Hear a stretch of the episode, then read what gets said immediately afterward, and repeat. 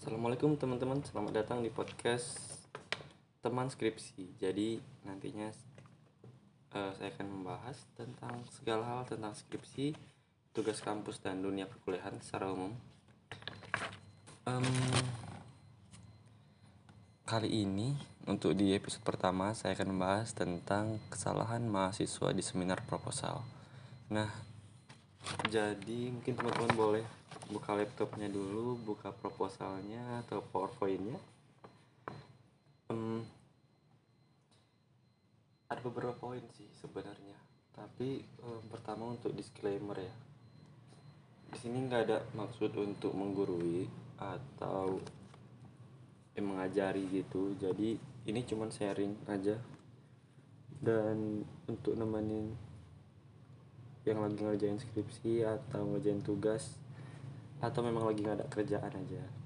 Atau lagi mungkin lagi ngapain ya? Biasanya sih kalau aku ngerjain eh ngerjain dengerin Spotify uh, kayak lagi mungkin ngerjain beresin rumah mungkin nyuci piring dan lain-lain.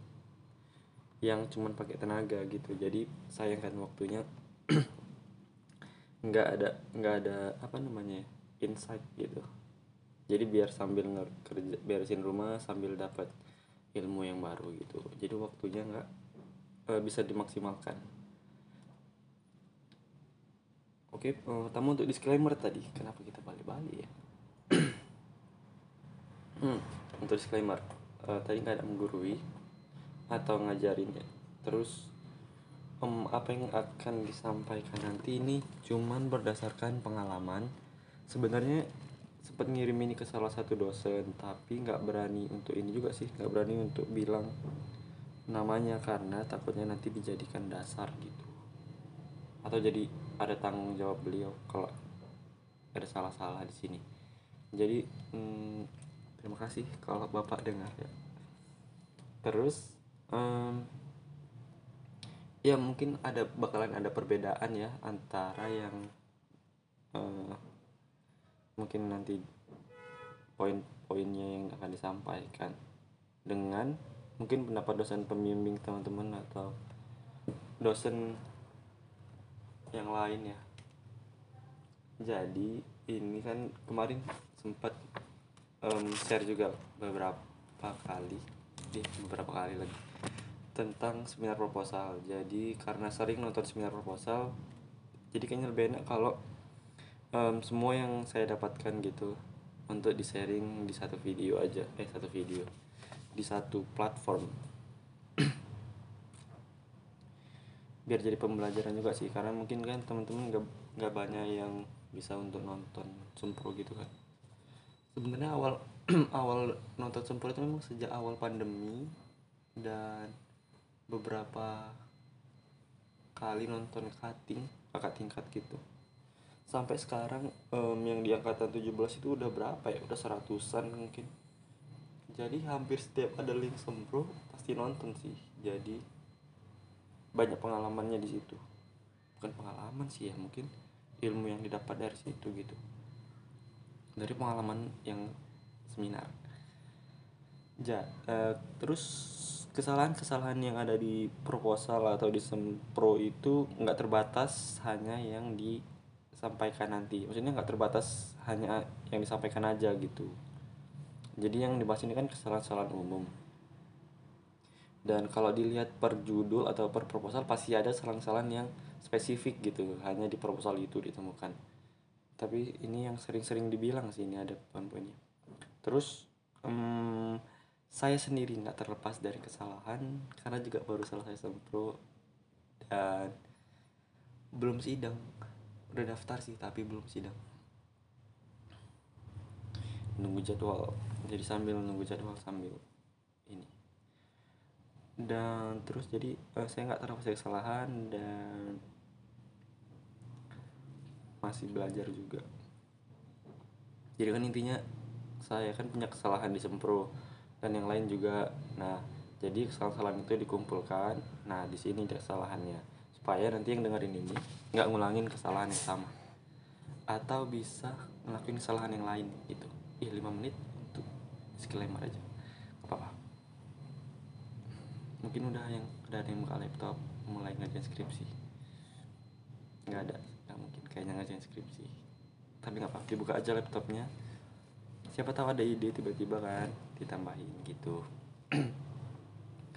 oke jadi intinya supaya teman-teman dapat meningkatkan kualitas penulisan dibandingkan yang sebelumnya dibandingkan kami kami yang sebelumnya. Ada beberapa poin nih. Pertama dari sisi presentasinya. Karena kan nama seminar kan ya. Nah yang paling fatal ya menurutku atau yang paling sering disebutkan sih salah satunya itu um, presentasi lebih dari waktu yang ditentukan. Nah ini bisa jadi sangat fatal karena um, kan ini terkait persiapan ya sebenarnya. Kalau misalnya dia lebih dari waktu yang ditentukan berarti kan dia tidak mempersiapkan. Sehingga biasanya nih diikutin dengan uh, pemaparan yang tidak cukup baik juga gitu. Sehingga sehingga jadi dosen-dosennya atau audiens itu bosan gitu. Kan susah ya kalau misalnya jadi dosen kita harus dengerin tapi ini bosen tapi harus denger gitu. Tapi dia udah overtime. Itu um, mengurangi nilai. Beberapa dosen bilang itu mengurangi nilai. Jadi teman-teman hati-hati di situ.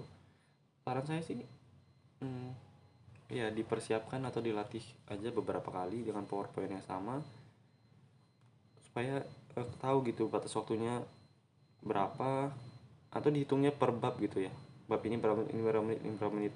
Jadi tahu gitu kalau udah sampai di bab 2 harus ini udah menit segini. Kalau misalnya lebih berarti bab tiganya lebih cepat atau sebaliknya. Di bab 2 nya waktunya masih banyak berarti di bab 3 nya masih ada waktu cukup banyak untuk menjelaskan.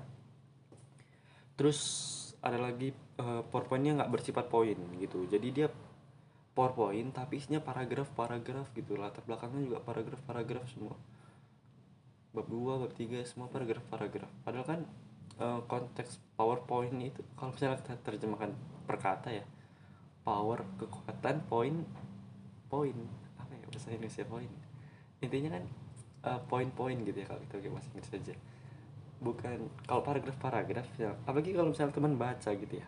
Oh ini poin selanjutnya itu hanya membaca slide. Jadi biasanya kalau yang paragraf gitu diikuti dengan membaca slide. Dan ini sangat membosankan teman. Jadi uh, kalau hanya membaca gitu ya. Kan kalau slide-nya ada di ini ada di ditampilkan audiens atau dosennya juga bisa membaca gitu. Jadi teman-teman nggak perlu membaca apa yang ada di slide sebenarnya. Nah jadi baiknya itu um, paragrafnya itu ada kan. Terus kita ambil poinnya kita buat di slide dan kita baca paragraf ini tapi audiens itu yang hanya melihat poinnya itu. Jadi penjelasan kita itu masih masih bisa ini masih masih didengarkan gitu. Karena tidak ada di slide itu poin penting untuk bisa didengarkan ya. Terus hmm, tidak menjawab penguji. Jadi kalau ditanya diam aja gitu. Ini cukup sering. Terlalu sering sih sebenarnya tapi lumayan banyak sih nggak jawab penguji. Atau diam aja gitu. Terus tidak berusaha mempertahankan proposal. Nah ini ini debatable debatable. Kalau dari sisi esensi dari seminar proposal kan mempertahankan ya mempertahankan proposal kita gitu. Nah jadi um, beberapa orang ya ini nggak menyalahkan ya tapi ini tuh sharing aja. Bisa benar bisa salah nih. Ini ada suara beca nih. Kedengeran nggak ya? Kenapa manasinnya di depan rumah oke balik lagi. Tidak berusaha mempertahankan proposal. Nah jadi ada beberapa itu dia semua kritikan ya semua kritikan atau bahkan pertanyaan. Dosen itu dijawab dengan maaf saya kurang teliti akan saya perbaiki gitu. Nah gimana ya? E, kalau alasannya saya kurang teliti atau maaf saya salah saya perbaiki. Terus gimana ya? Kan harus dipertahankan gitu. Kalau gitu ya esensinya menjadi nggak ada. Memang harus di, harus diakui ya itu cara aman ya. Cara aman disempur ya. Jadi kalau ditanya kenapa gini gini gini? Maaf saya saya teliti gitu. Harusnya sih dipertahankan kalau menurut saya. Karena itu esensi dari proposal. Karena kan itu nguji sih gitu konteksnya. Mungkin ini debatable tapi teman-teman bisa pertimbangkan. Nah poin selanjutnya ini agak kontra nih sama yang sebelumnya mempertahankan kesalahan. Nah jadi ada perbedaan mendasar ya dari tidak berusaha mempertahankan proposal sama mempertahankan kesalahan. Nah mempertahankan kesalahan ini adalah ketika kita tahu itu salah eh awalnya kita tahu itu benar kan makanya kita tulis di proposal. Nah jadi selama kita tahu itu benar kan kita mencoba untuk mempertahankan. Kalau ada dosen nanya kita jawab kan untuk mempertahankan itu. Nah tapi kalau misalnya hmm, kita udah tahu itu salah kita nggak perlu lagi mempertahankan itu gitu. Nah di situlah baru bisa kita pakai tadi yang maaf uh, harusnya gini sih. Bukan maaf saya salah atau saya kurang teliti ya tapi maaf bu uh, atau pak saya kira ini yang benarnya gini jadi saya buat itu tapi saya akan perbaiki. Nah menurutku itu lebih kontekstual di di proses seminar proposal. Karena dia mempertahankan tapi cukup gentle gitu untuk ngasih alasan dan untuk ngaku itu salah gitu. Nah itu poin penting. Terus tidak menerapkan basic manner. Basic manner ini konteksnya formal ya. Karena kan beda ya kalau basic manner sama temen atau sama dosen bahkan sama dosen di luar perkuliahan itu kan ada mannernya tapi beda.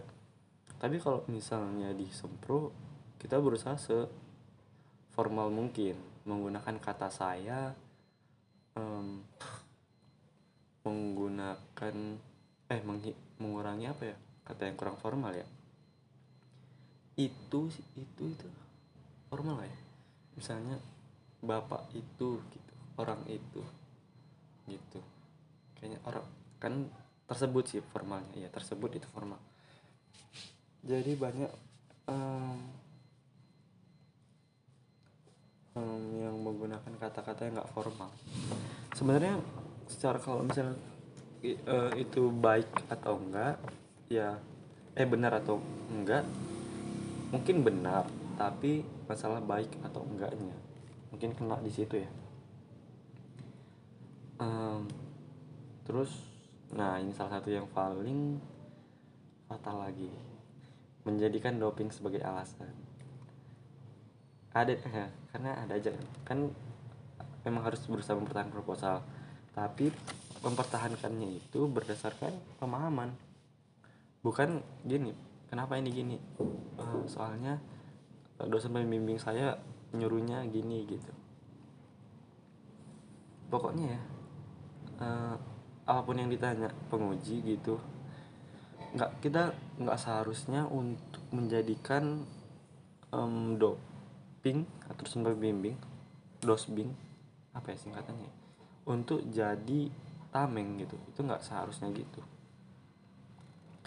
Kita harus tahu apa yang kita tulis kita harus bisa mempertahankan apa yang kita tulis. Nggak harus bisa harus mempertahankan harus harus paham gitu harus punya alasan di balik penulisan kata demi kata iya enggak deh paragraf demi paragraf atau judul demi judul yang ada di proposal kita. Nah itu di presentasi. Terus di penulisan. Oh iya ini lupa bilang tadi. Kalau teman-teman misalnya ada punya proposal gitu atau punya sesuatu untuk diceritain mungkin bisa kirim ke email ikar aziz i k a r a z i z 12 at gmail.com kirim email itu atau mungkin ada yang mau proposalnya kita bahas kita cari kesalahannya gitu. Nggak akan disebut nama kecuali teman-teman um, bilang secara langsung boleh nih sebutin nama gitu. Jadi silahkan kirim dan kita akan bahas di podcast selanjutnya.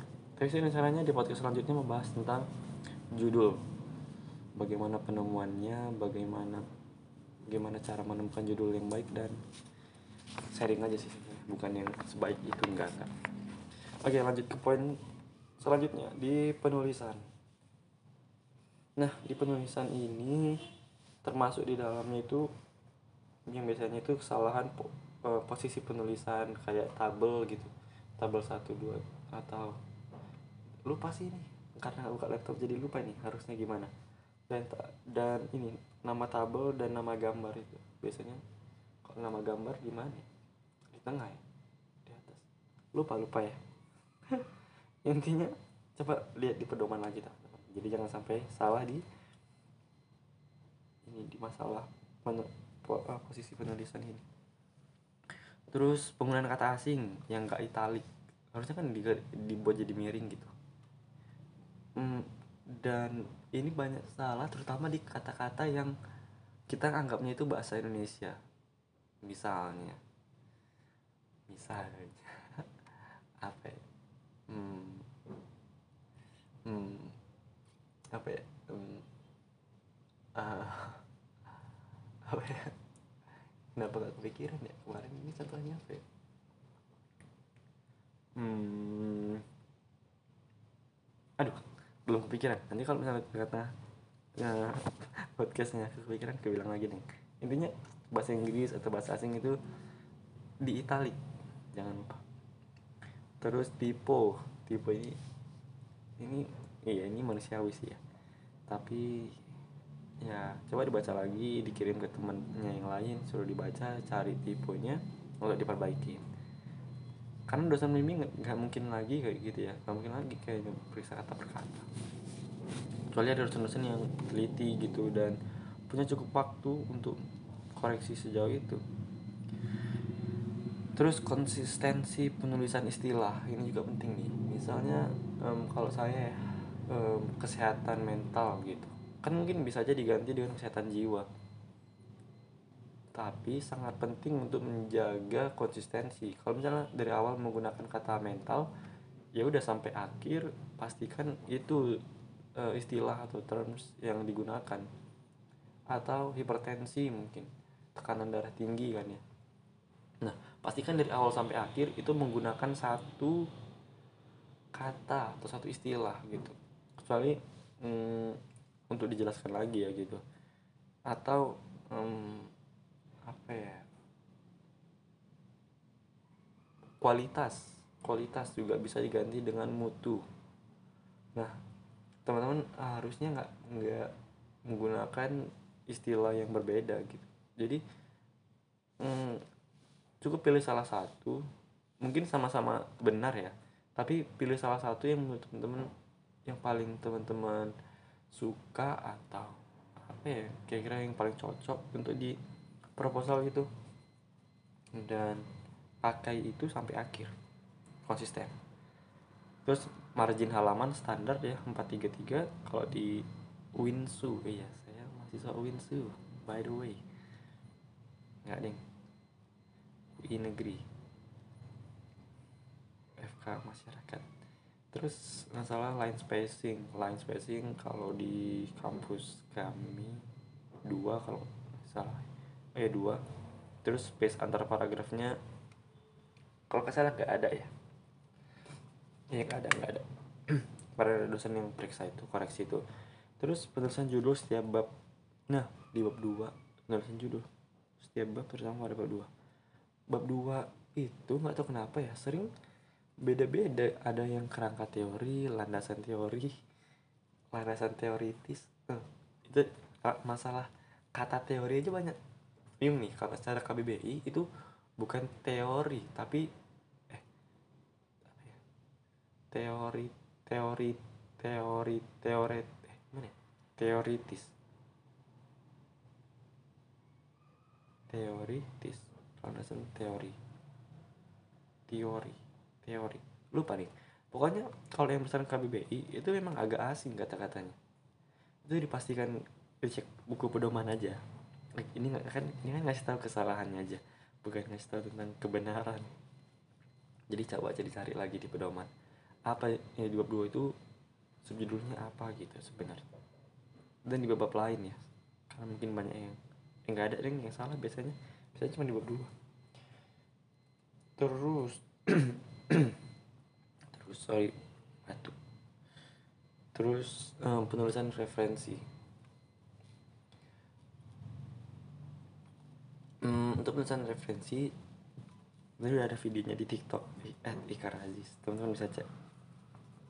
Dan sesuai ini apa namanya? Apa style?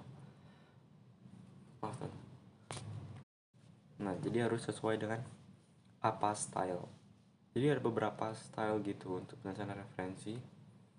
Itu di masalah body note dan ininya nanti di apa namanya daftar pustaka reference. Itu stylenya itu berpengaruhnya ke situ. Pastikan apa style. Nah kemudian setelah referensi baru titik. Itu juga baik salah tuh. Jadi misalnya satu kalimat titik baru referensi. Nah itu yang salah dan banyak sering lumayan sering gitu sih. Karena biasanya kan ditulis dulu terus dibuat referensinya kan.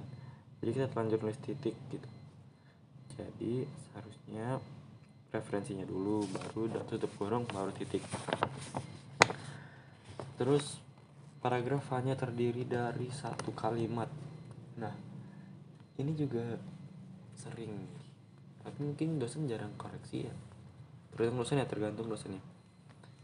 Hmm, ada beberapa dosen sebenarnya bisa nyebutin nama tapi kayaknya nggak nggak etis sih ya. Minimalnya itu dua teman-teman. Tapi lebih disukai tiga sih ya. Kalau di skripsiku tuh rata-rata tiga minimal. Dan tidak lebih dari 10 baris. Baris eh ini bisa aja soalnya tiga kalimat tapi barisnya banyak kali.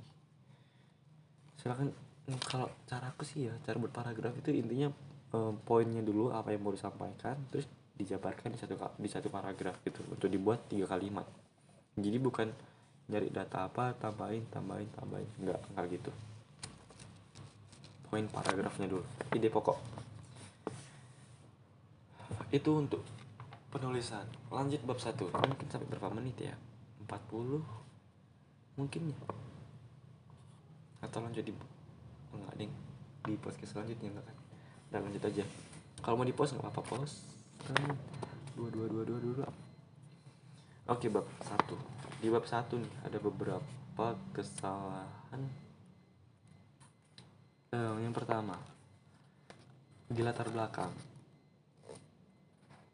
latar belakang masalah ya tidak menunjukkan masalah. Itu kesalahan paling fatal. Karena skripsi itu kan dibangun atas masalah. Jadi di uh, dan masalah itu harus dijelaskan di latar belakang masalah.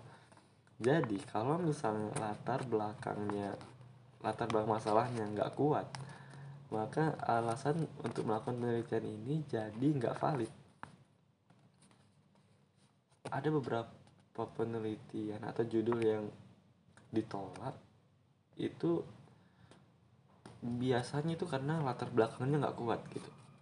Jadi ini masalahnya nggak ada nggak jadi nggak penting untuk diteliti gitu. Urgensi untuk penelitiannya mas nggak ada. Jadi masalah itu kan kesenjangan ya kesenjangan antara ekspektasi atau standar ya. Ya ekspektasi ya. Ekspektasi atau standar dengan realita yang ada. Misal um, standar masa angka kejadian hipertensi misalnya nggak boleh melebihin uh, segini dan ternyata di suatu wilayah itu melebihin. Nah itu kan itu kan jadi masalah kemudian um, terkait masalah tadi itu dijelaskan secara runtun dan menggunakan konsep piramida terbalik. Banyak yang bingung sebenarnya untuk menulis karena nggak ada ini nggak ada kerangkanya.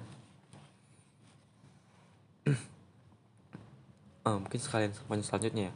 Poin selanjutnya itu tidak menjelaskan masalah sampai ke populasi atau ya lokasi penelitian atau alasan pemilihan lokasi. Nah jadi teman-teman dalam penulisan latar belakang itu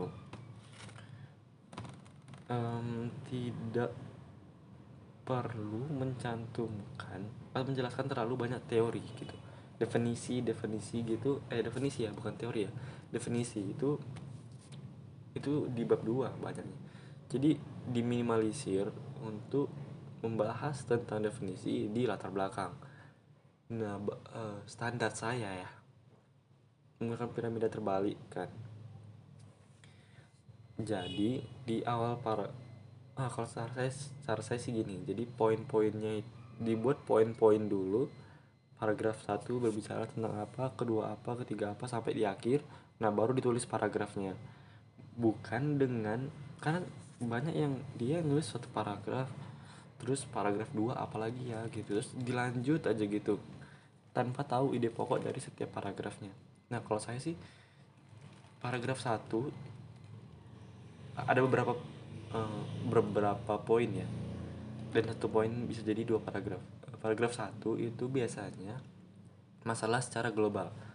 Kalau um, deskripsi saya yang bahas um, intinya tentang uh, kesehatan mental kan ya. Jadi ke oh kesehatan mental di kesehatan mental di masa pandemi. Jadi di awalnya itu saya menjelaskan tentang ini uh, situasi pandemi di seluruh dunia gitu kan. Atau nggak usah skripsi saya nanti mungkin teman-teman ada yang mau ngirim ya biar kita bahas um, kalau secara umum aja intinya di paragraf pertama paragraf awal-awal itu menjelaskan tentang masalahnya di seluruh dunia. Misal bahas tentang hipertensi. Hipertensi di seluruh dunia gimana nih? Prevalensinya berapa? Mungkin angka kematiannya berapa?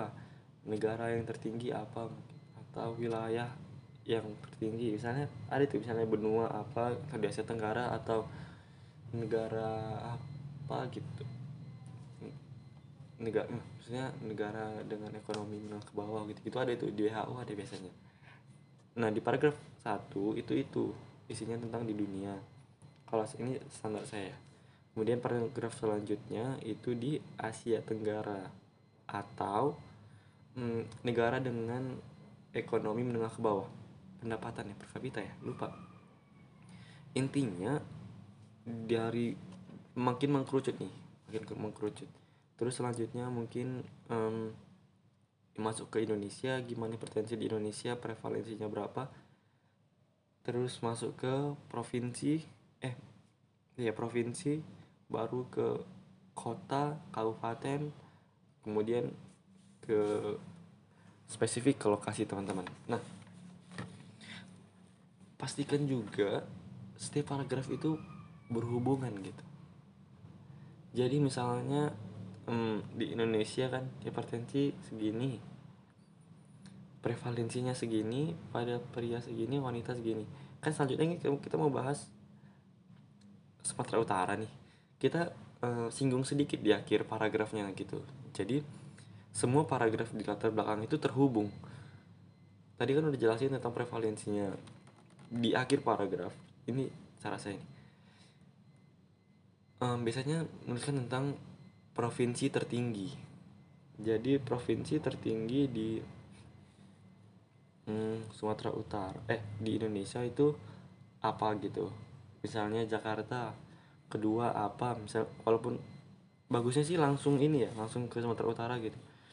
Tapi biasanya saya menyebutkan dua antara yang paling tinggi yang paling rendah kemudian menyebutkan Sumatera Utara gitu. Jadi misalnya tertinggi itu DKI Jakarta diikuti dengan dengan misalnya Sumatera Selatan. Terus sedangkan Sumatera Utara berada di posisi termasuk ke 10 besar gitu. Jadi untuk untuk menunjukkan masalah juga ada masalah juga nih Sumatera Utara gitu. Sumatera Utara berada, berada di posisi ketiga keempat gitu misal. Nah, baru di paragraf selanjutnya kita bahas tentang Sumatera Utara gitu. Jadi, setiap paragrafnya tetap terhubung. Dan e, konsepnya piramida terbalik ya. Terus harus menyebutkan ya terlalu banyak menyebutkan teori tadi itu udah kesalahan ya. Terus tidak menyebutkan sumber atau referensi. Ini juga karena kan data-data ya. Itu masalah masalah itu harus based on apa namanya? hmm, intinya kan based on based on data jadi semua itu data gitu bukan asumsi kecuali nanti di akhir kan misalnya teman-teman targetnya kan misalnya di kecamatan gitu atau di sekolah kan itu harus survei awal. Nggak ada kan data tentang sekolahnya jadi survei awal nah itu juga dicantumkan. Dan termasuk kesalahan ini. Ini tambahan dari dosen ya. Um, tidak mencantumkan hasil survei pendahuluan atau hasil survei justru tidak relevan dengan topik proposal. Jadi itu saran saya sih buat dulu intinya inti atau ide pokok dari awal sampai akhir gitu. Atau mungkin secara umum premisnya dulu gitu. Kita pastikan dulu ini latar belakang ini mau menunjukkan apa. Misalnya mau menunjukkan tentang um, masalah hipertensi di sini gitu kan. Nah itu kita tentukan dulu untuk di ide pokok di ide pokok satu judul itu latar belakang masalah. Jadi sisanya di setiap paragraf itu harus ngikut ke ide ide awal itu tadi dan tidak lari dari pembahasan. Kemudian tidak atau kurang merujuk penelitian sebelumnya sebagai penguat pentingnya penelitian. Iya ya kalau di latar belakang itu usaha ini memang harus hmm, kuat menunjukkan masalah sekuat mungkin. Untuk itu kan intinya untuk menunjukkan urgensi dari penelitian ya. Kalau masalahnya nggak jelas um, nah ini salah satu yang bisa dijadikan ini ya latar belakang itu ketidaksesuaian dengan pedoman. Ada standar Indonesia kita bandingkan dengan aslinya eh dengan yang di lapangan itu juga itu juga salah satu masalah untuk menunjukkan pentingnya ini pentingnya besarnya masalah ding. Gitu di situ. Itu ya. Ini penting teman-teman di latar belakang. Karena kan nggak salah kalau latar belakangnya nggak kuat saya lupa ya ada teman saya yang bilang ya ada satu mahasiswa gitu dikoreksi cuma sampai latar belakang karena di, dilihat nggak cukup besar masalahnya. Nggak bahkan nggak cukup besar nggak ada masalah gitu atau masalahnya nggak relevan? Masalahnya masalah ekonomi gitu. Di maksudnya di luar dari judul dia jadi nggak. Dan udah gitu versi sangat latar belakang. Dan ada koreksi lagi. Tinggal, tinggal ganti judul sih sebenarnya. Tapi kan susah ya harus ganti semua. Terus ya last one. Kurang sinkron dan tidak sistematis. Mencantumkan variabel antara tujuan khusus, kerangka konsep, hipotesis, definisi operasional, dan kuesioner. Jadi kan ada beberapa variabel nih yang mau kita biasanya pakai di penelitian. Variabel X, Y, Z gitu. Nah, urutannya di tujuan, di hipotesis, di definisi operasional, kuesioner itu disamain aja teman-teman. Jadi masalah konsistensi ini cukup penting ya dan kadang agak mengganggu sih entah karena bukan bukan masalah perfeksionis sih kayaknya. Memang masalah um, urutan aja gitu. Urutan itu kan memang harus berpikir sistematis gitu. Jadi itu lumayan penting nih. Oke kita lanjut ke bab 2 bab 2 dikit nih. Karena memang jarang dikoreksi sih ya. Eh bukan jarang sih. Jarang ada kesalahan memang. Jadi ini kesalahan umumnya cuma empat. Pertama tidak menjelaskan semua variabel yang ada di kerangka teori dan keterkaitan antara variabel tersebut. Nah ini ini revisi di proposal saya sebenarnya.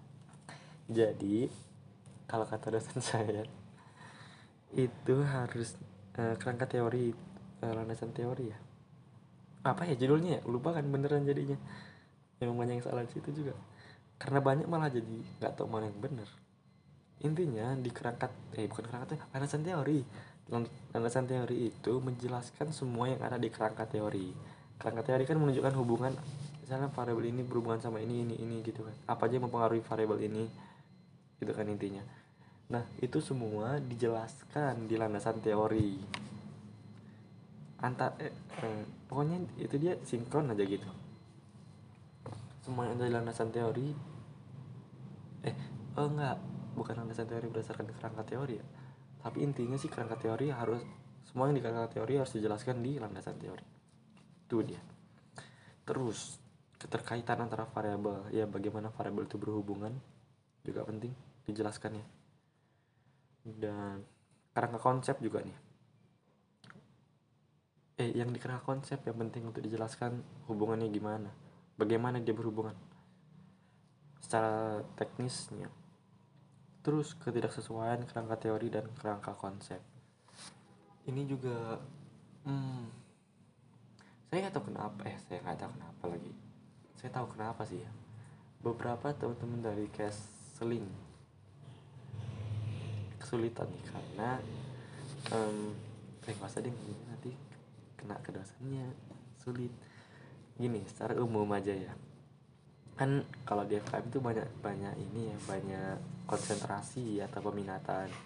Jadi biasanya konsentrasi setiap eh, ini konsentrasi itu punya uh, grounded ground teori sendiri atau teori dasar sendiri. Biasanya sih skripsi uh, teman-teman itu harus diharuskan untuk mengikuti teori itu. Padahal sering kali ground teorinya itu nggak sesuai dengan kerangka konsep. Jadi kesannya seolah-olah dipaksakan gitu kalau menurut saya uh, dan itu yang itu yang sering membuat jadi nggak sesuai aja gitu. Padahal eh menurut saya nih nggak harus sesuai nggak harus pakai teori yang sesuai dengan konsentrasi. Walaupun misalnya judulnya tentang itu ya. Jadi nggak apa-apa nggak harus dipakai di teori lah intinya dan harus sesuai harus sesuai. Jadi masalahnya situ jangan lari ke mana-mana Ajis oke jangan lari ke mana-mana. Ketidaksesuaian kerangka teori dengan kerangka konsep.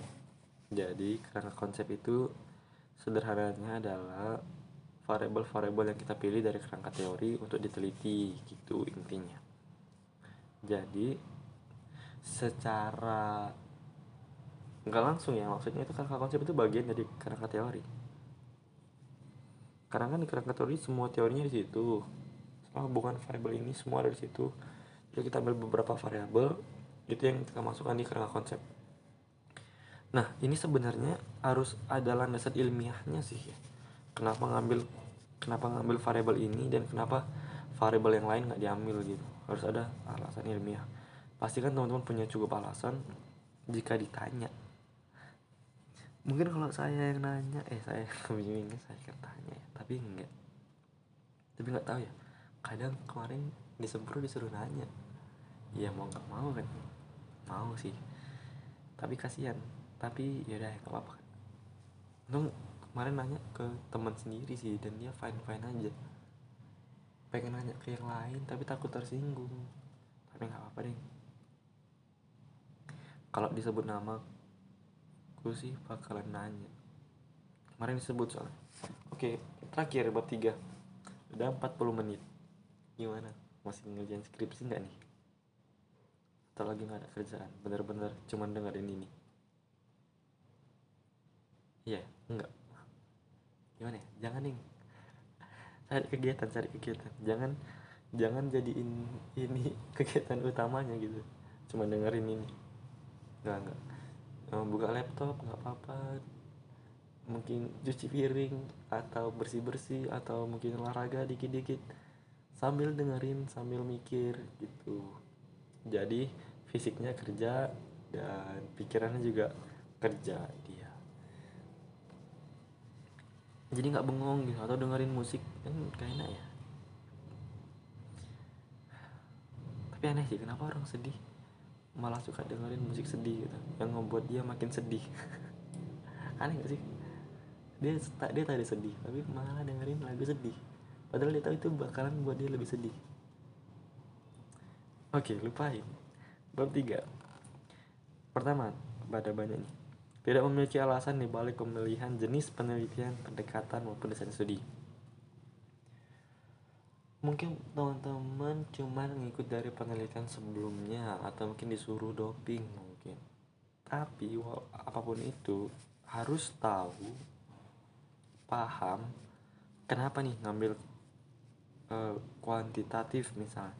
Kenapa pilih cross kenapa pilih cohort kenapa pilih case control? Kenapa pilih observasional atau eksperimental gitu walaupun itu bukan pilihan teman-teman ya mungkin ya. Karena ikut penelitian sebelumnya mungkin gitu kan. Ya tetap harus tahu dan paham alasannya dan harus menjelaskan itu.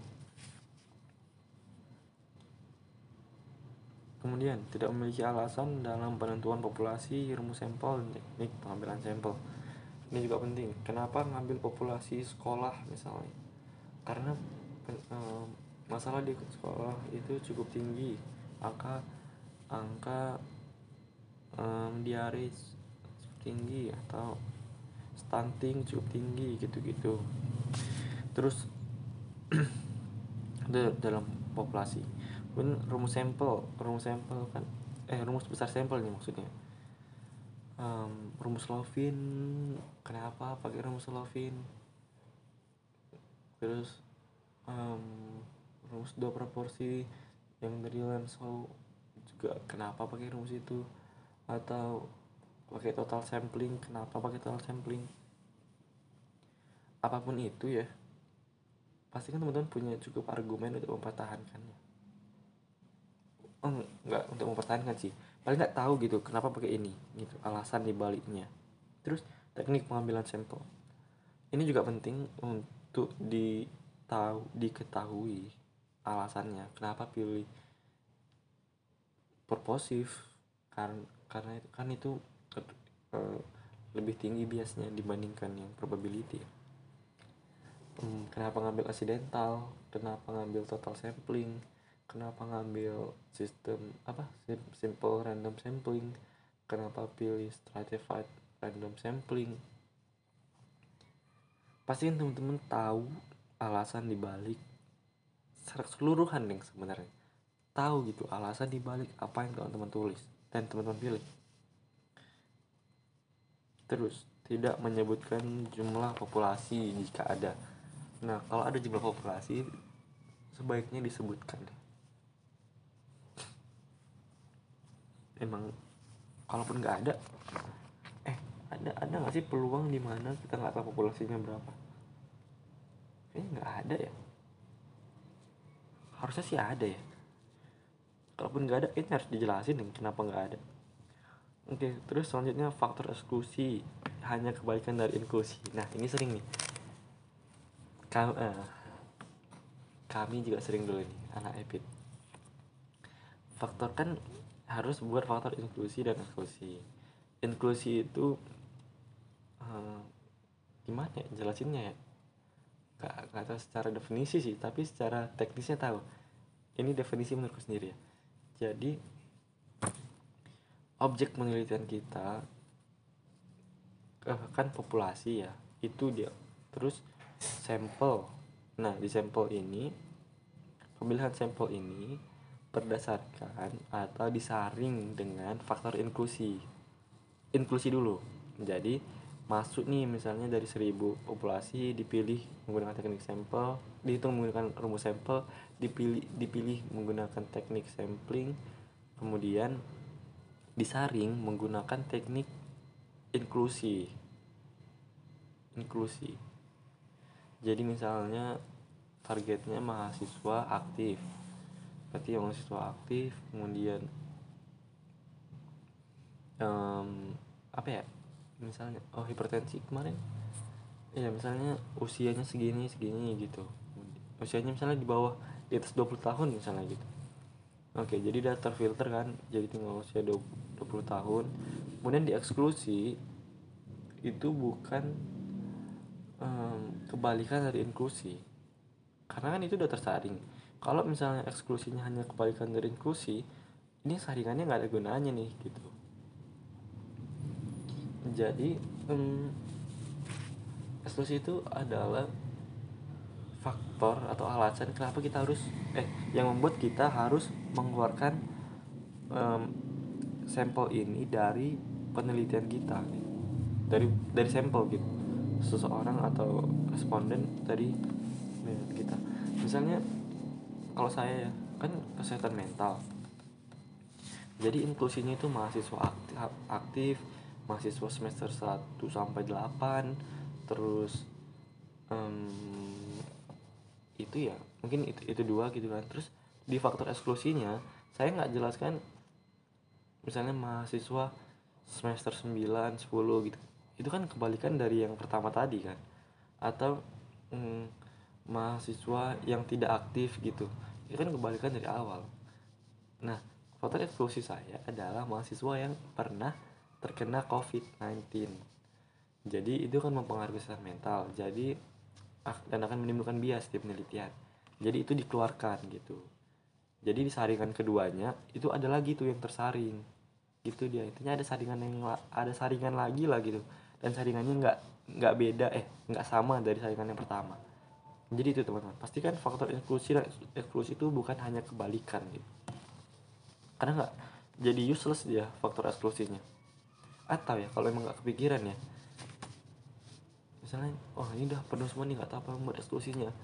Ambil aja dari inklusi dipindahin ke eksklusi terus dibalikkan dibalikkan gitu. Tapi nggak perlu untuk menyebutkan dua kali. Tapi nggak tahu juga sih ya apa yang menyebabkan apa sesuatu itu dijadikan faktor inklusi atau eksklusi gitu. Lupa kemarin pernah belajar sih ya nanti mungkin di secara khusus ada yang ini agak banyak lagi nih. Udah mau habis kita waktunya. Terus menggunakan rumus besar sampel Slovin nah ini juga kemarin baru belajar. Jadi um, cukup diperdebatkan intinya rumus Slovin ini. Di antara peneliti-peneliti jadi lebih baik menggunakan sampel yang rumus yang lebih valid aja gitu ya. Udah di udah di um, oh ini ada tuh yang aplikasi sample size 2.0 dari WHO aplikasinya. Mungkin kalau dia mau bisa minta ke email ya kirim karena itu nggak terlalu besar. Situ ada rumusnya teman-teman tinggal masukkan nilai-nilainya dan keluar sendiri populasinya. Karena dari WHO jadi valid gitu. Terus hanya menjelaskan definisi dari uji validitas reliabilitas ataupun dari sampling ya sampel populasi gitu. Jadi banyak yang hanya menjelaskan gitu. Di subjudul populasi populasi adalah gini gini gini gini. Udah gitu aja. Terus di subjudul uji validitas validitas adalah gini gini untuk gini gini gini gitu. Tapi nggak menjelaskan secara teknis uji validitas yang dilakukan itu gimana gitu. Uji reliabilitas yang dilakukan itu di mana targetnya siapa populasi sampelnya berapa gitu. Jadi teman-teman kan nggak perlu definisi dari judul memang sebenarnya. Kan kita nggak pernah nulis latar belakang masalah. Latar belakang masalah adalah gitu. Terus dijelaskan definisi latar belakang masalah. Kan enggak gitu. Jadi langsung aja latar belakang masalahnya apa gitu. Uji realitasnya apa dilakukan menggunakan apa skornya berapa gitu. Jadi nggak perlu lagi di, dituliskan definisi dari sub judul ini lumayan sering nih terus selanjutnya eh, kesalahan skala ukur tidak memiliki dasar pengkategorian variabel definisi yang tidak sesuai dengan operasional penelitian. Nah, ini di definisi operasional kan ya. Ini juga baru tahu nih, baru dapat ya kira-kira kemarin. Definisi operasional itu bukan definisi kata atau variabel itu, tapi definisi yang kita pakai di dalam atau um, di dalam penelitian kita gitu. Jadi bukan definisi secara bahasa, tetapi secara operasional atau secara istilah gitu yang kita gunakan. Misalnya saya kemarin salah satu variabelnya merokok. Terus merokok secara operasional di penelitian saya adalah ketika orang merokok sebanyak 100 batang per bulan atau setiap hari selama, selama 30 hari. Nah itu definisi operasional merokok saya gitu. Bukan jadi selain orang yang um, yang merokok setiap hari atau nggak sampai 100 itu bukan perokok. Walaupun dia misalnya merokok 99 gitu ya itu bukan bukan perokok di penelitian saya. Karena secara operasional itu gitu. Jadi ketika nanti ada yang membaca penelitian saya dan menemukan kata perokok ya itu itu konsep konsep konteks perokok itu ya berdasarkan di definisi operasional jadi bisa jadi definisi operasional itu bukan bisa jadi beda sama yang di WHO gitu terus apa lagi tidak secara spesifik eh bukan mana nih tidak menyebutkan sumber kuesioner atau validitas kuesioner jika mengutip kuesioner baku atau kuesioner penelitian sebelumnya. Nah, kan banyak nih teman-teman yang pakai kuesioner dari penelitian sebelumnya. Gak apa teman-teman sebenarnya. Jadi caranya adalah dengan mengutip nilai atau validitas dari penelitian sebelumnya. Jadi dijelaskan gitu.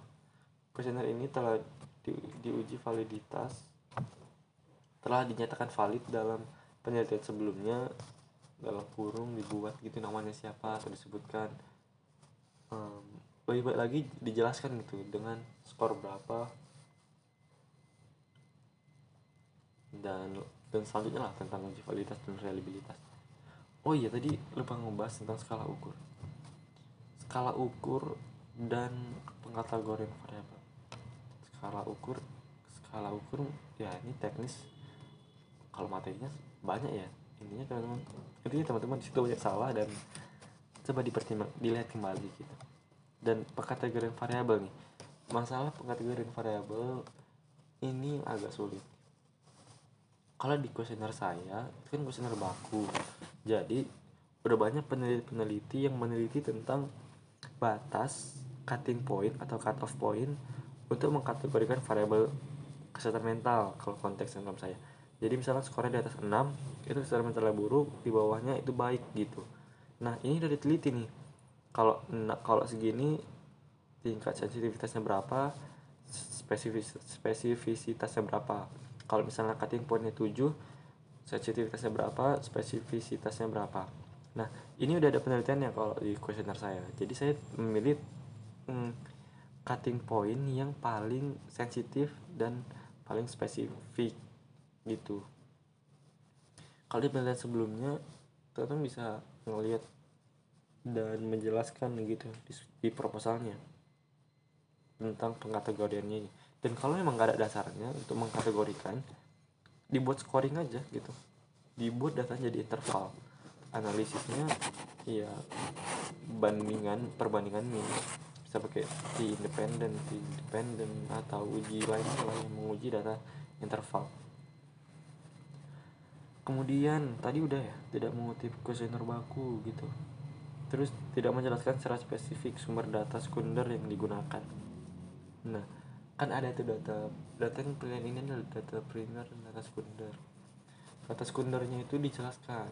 Jadi data sekunder adalah pada variabel ini gitu. Data ini diambil dari sini gitu. itu dijelaskan secara spesifik. Kemudian tidak memahami tujuan alasan pemilihan uji statistik maksudnya. Nah jadi itu juga harus dipahami tujuannya untuk melihat perbedaan rata-rata melihat hubungan melihat pengaruh atau apa ya apalagi ada hubungan atau tidak melihat odds ratio gitu-gitu. Jadi itu, itu penting untuk diketahui. Intinya sih biar paling kita tahu gitu kenapa kita pilih itu.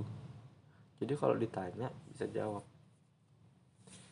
Nah udah habis teman-teman. Itu aja ya um, untuk penutup ah, apa ya penutupnya ya?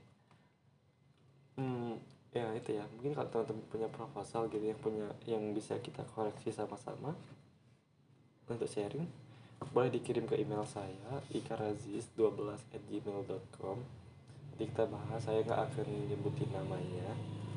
Dan uh, untuk pekan depan bahas tentang judul maunya sih itu dulu tapi hmm, mulai keadaan juga sih ya. Oke teman-teman. Hmm, sampai jumpa di podcast selanjutnya. Terima kasih